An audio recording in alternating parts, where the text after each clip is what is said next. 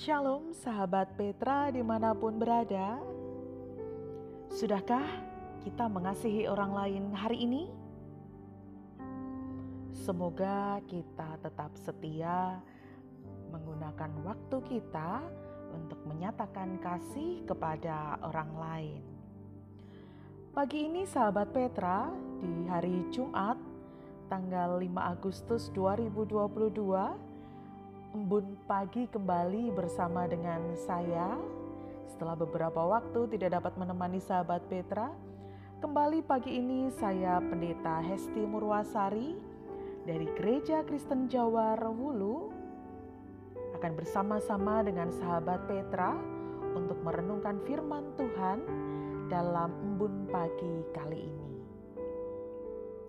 Tapi sebelum kita semakin dalam merenungkan firman Tuhan, mari kita bersama datang kepada Tuhan, memohon hikmat dan terang, supaya kita dimampukan untuk memahami dan nantinya juga melakukan. Mari kita berdoa. Tuhan Allah yang Maha Baik, Tuhan yang begitu setia, menuntun dan memelihara hidup kami. Sungguh Tuhan, kami mensyukuri setiap anugerah pemeliharaan Tuhan yang terjadi di sepanjang hidup kami sampai saat ini.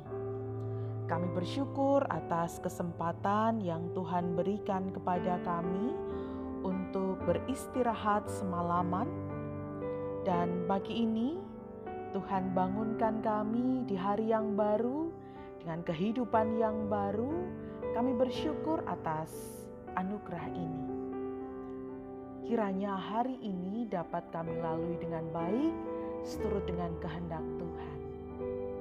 Dan pagi ini Tuhan, sebelum kami melanjutkan aktivitas kami, kami ingin membekali diri kami dengan firman Tuhan yang tentunya nanti akan kami dengarkan bersama.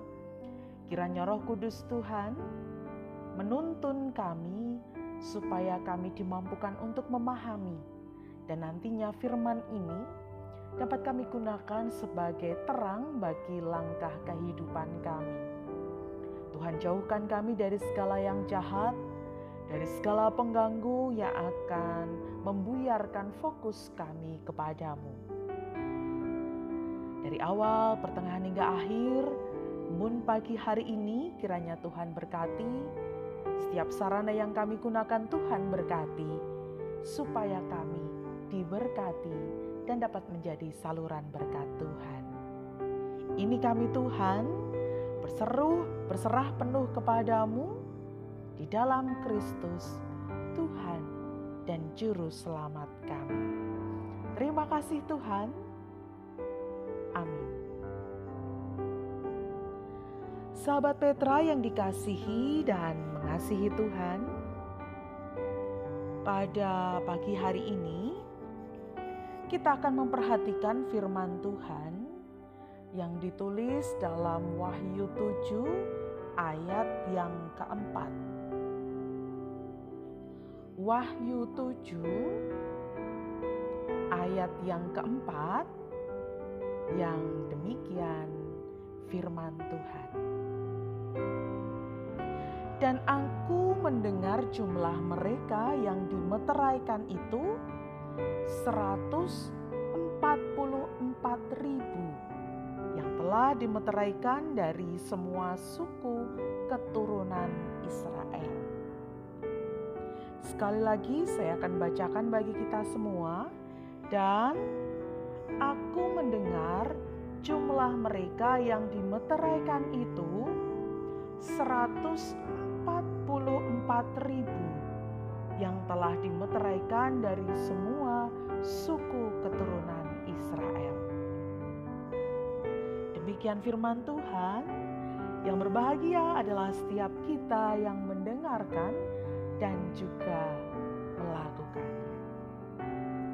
Sahabat Petra yang terkasih, tema embun pagi hari ini adalah dua komunitas yang diselamatkan. Dua komunitas yang diselamatkan. Jika sahabat Petra ingin membaca lebih lengkap, nanti sahabat Petra bisa membaca dari ayat 1 sampai dengan ayat 8. Wahyu 7 ayat 1 sampai 8. Tapi tadi saya hanya membacakan di ayat yang keempat. Firman Tuhan yang kita hayati bersama hari ini masih kelanjutan dari firman Tuhan yang kemarin-kemarin. Jika kita masih ingat, sahabat Petra masih ingat, kemarin kita telah merenungkan tentang enam meterai yang dibuka.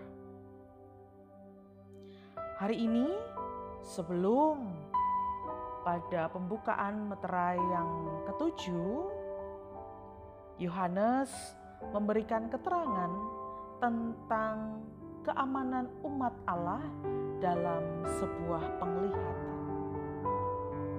Jadi Wahyu 7 ini tentang penglihatan yang menggambarkan dua komunitas manusia yang diselamatkan oleh Allah.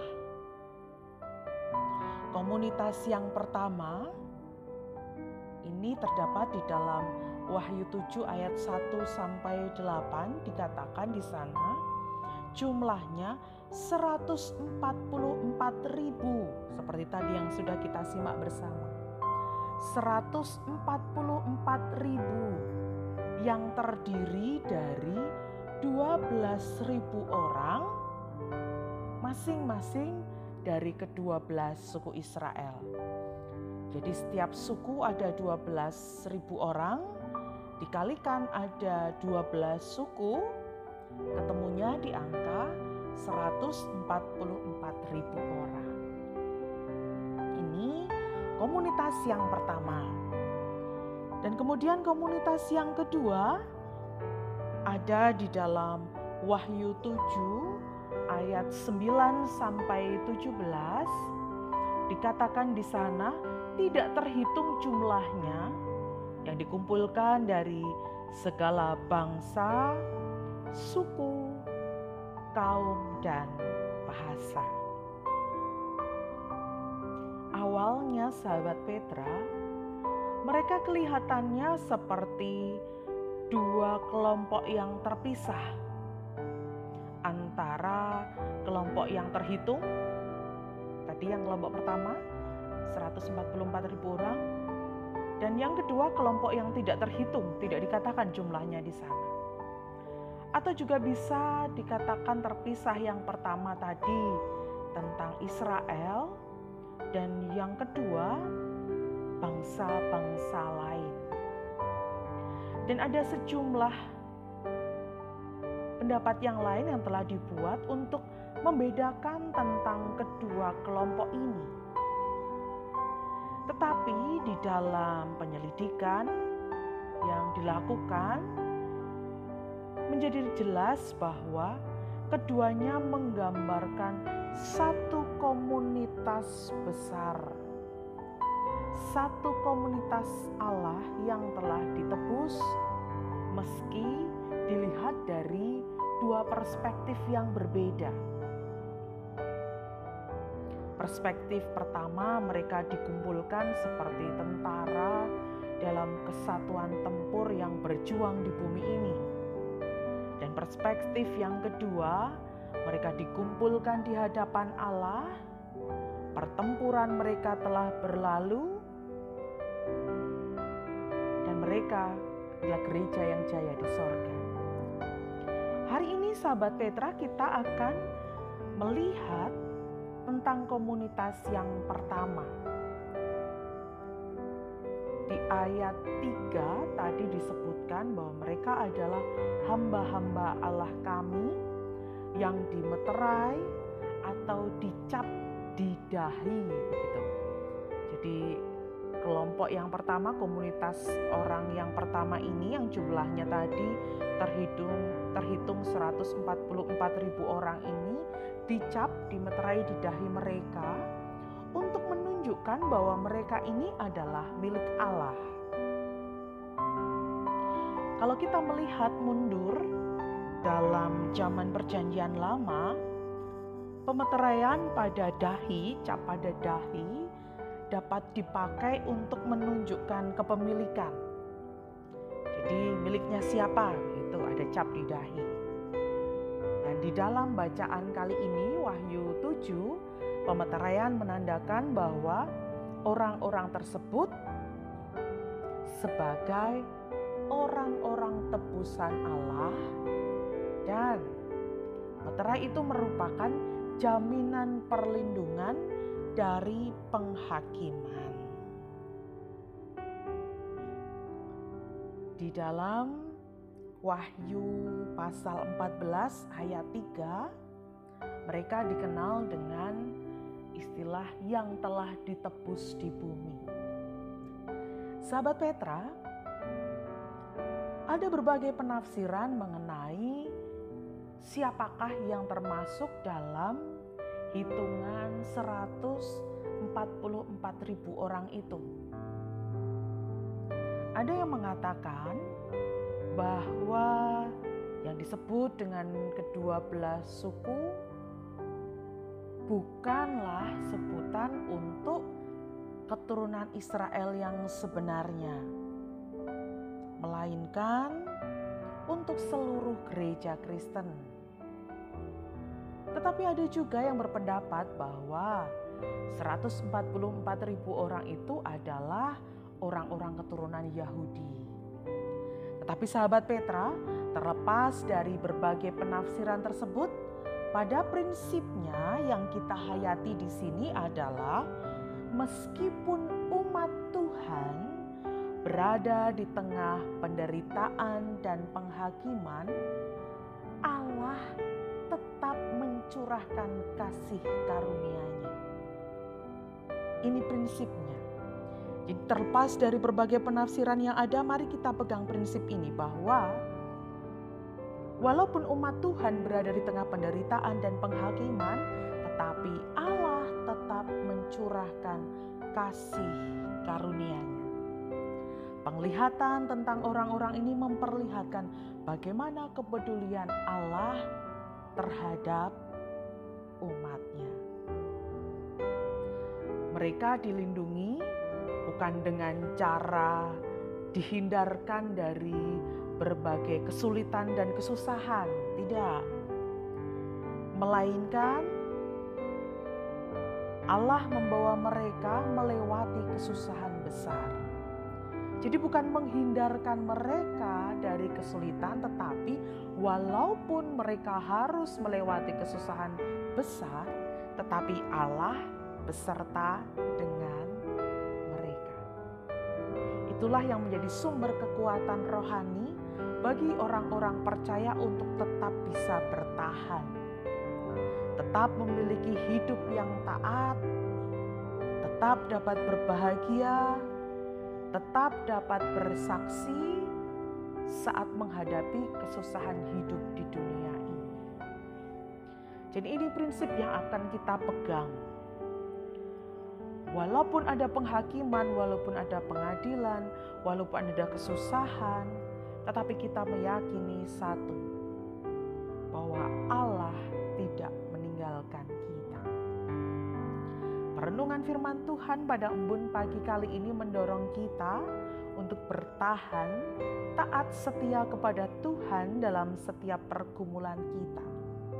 Karena Allah memberikan jaminan perlindungan bagi kita.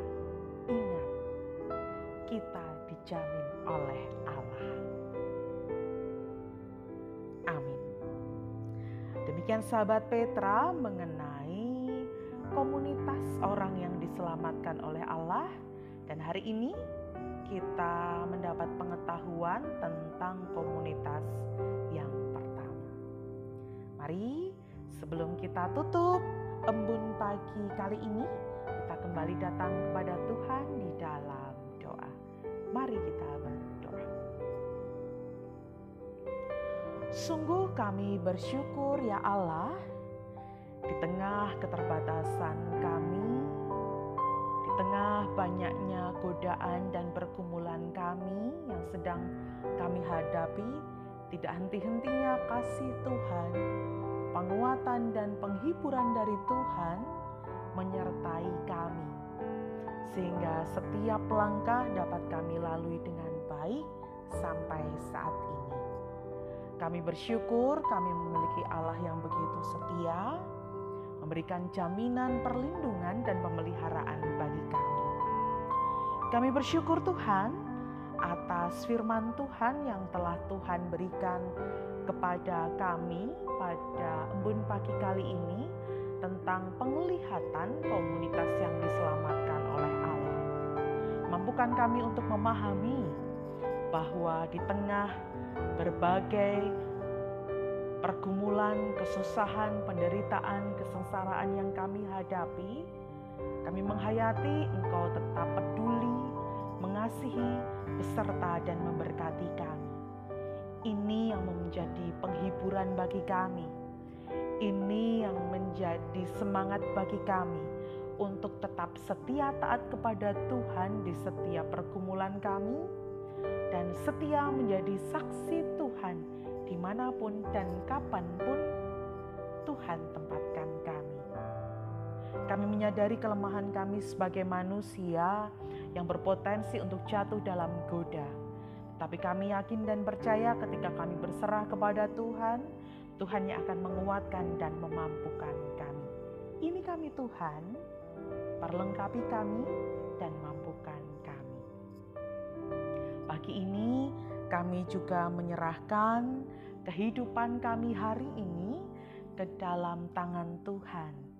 Untuk setiap aktivitas yang kami lakukan, sekolah, pekerjaan, pelayanan, dan aktivitas kami yang lainnya, kiranya Tuhan berkati, sehingga setiap aktivitas ini dapat kami lakukan dengan penuh tanggung jawab dan rasa syukur. Tetap kami dapat menjalankan sesuai dengan porsi dan kemampuan kami untuk memberikan yang terbaik seperti kami memberikan untuk Tuhan. Tuhan berkati kami di dalam kami membangun relasi dengan orang-orang di sekitar kami supaya kami dapat saling menguatkan, saling mengasihi dan saling mengampuni. Kami menyerahkan hari ini sepenuhnya ke dalam rengkuhan tangan kasih Tuhan. Kami mohon ampun Tuhan atas setiap dosa dan kesalahan kami di dalam Kristus Yesus, Juru Selamat dan Penebus. Kami bersyukur dan memohon. Terima kasih Tuhan. Amin. Demikian sahabat Petra, embun pagi di hari Jumat 5 Agustus 2022 bersama dengan saya Pendeta Hesti Murwasari dari Gereja Kristen Jawa Rewulu. Selamat melanjutkan aktivitas untuk sahabat Petra semuanya.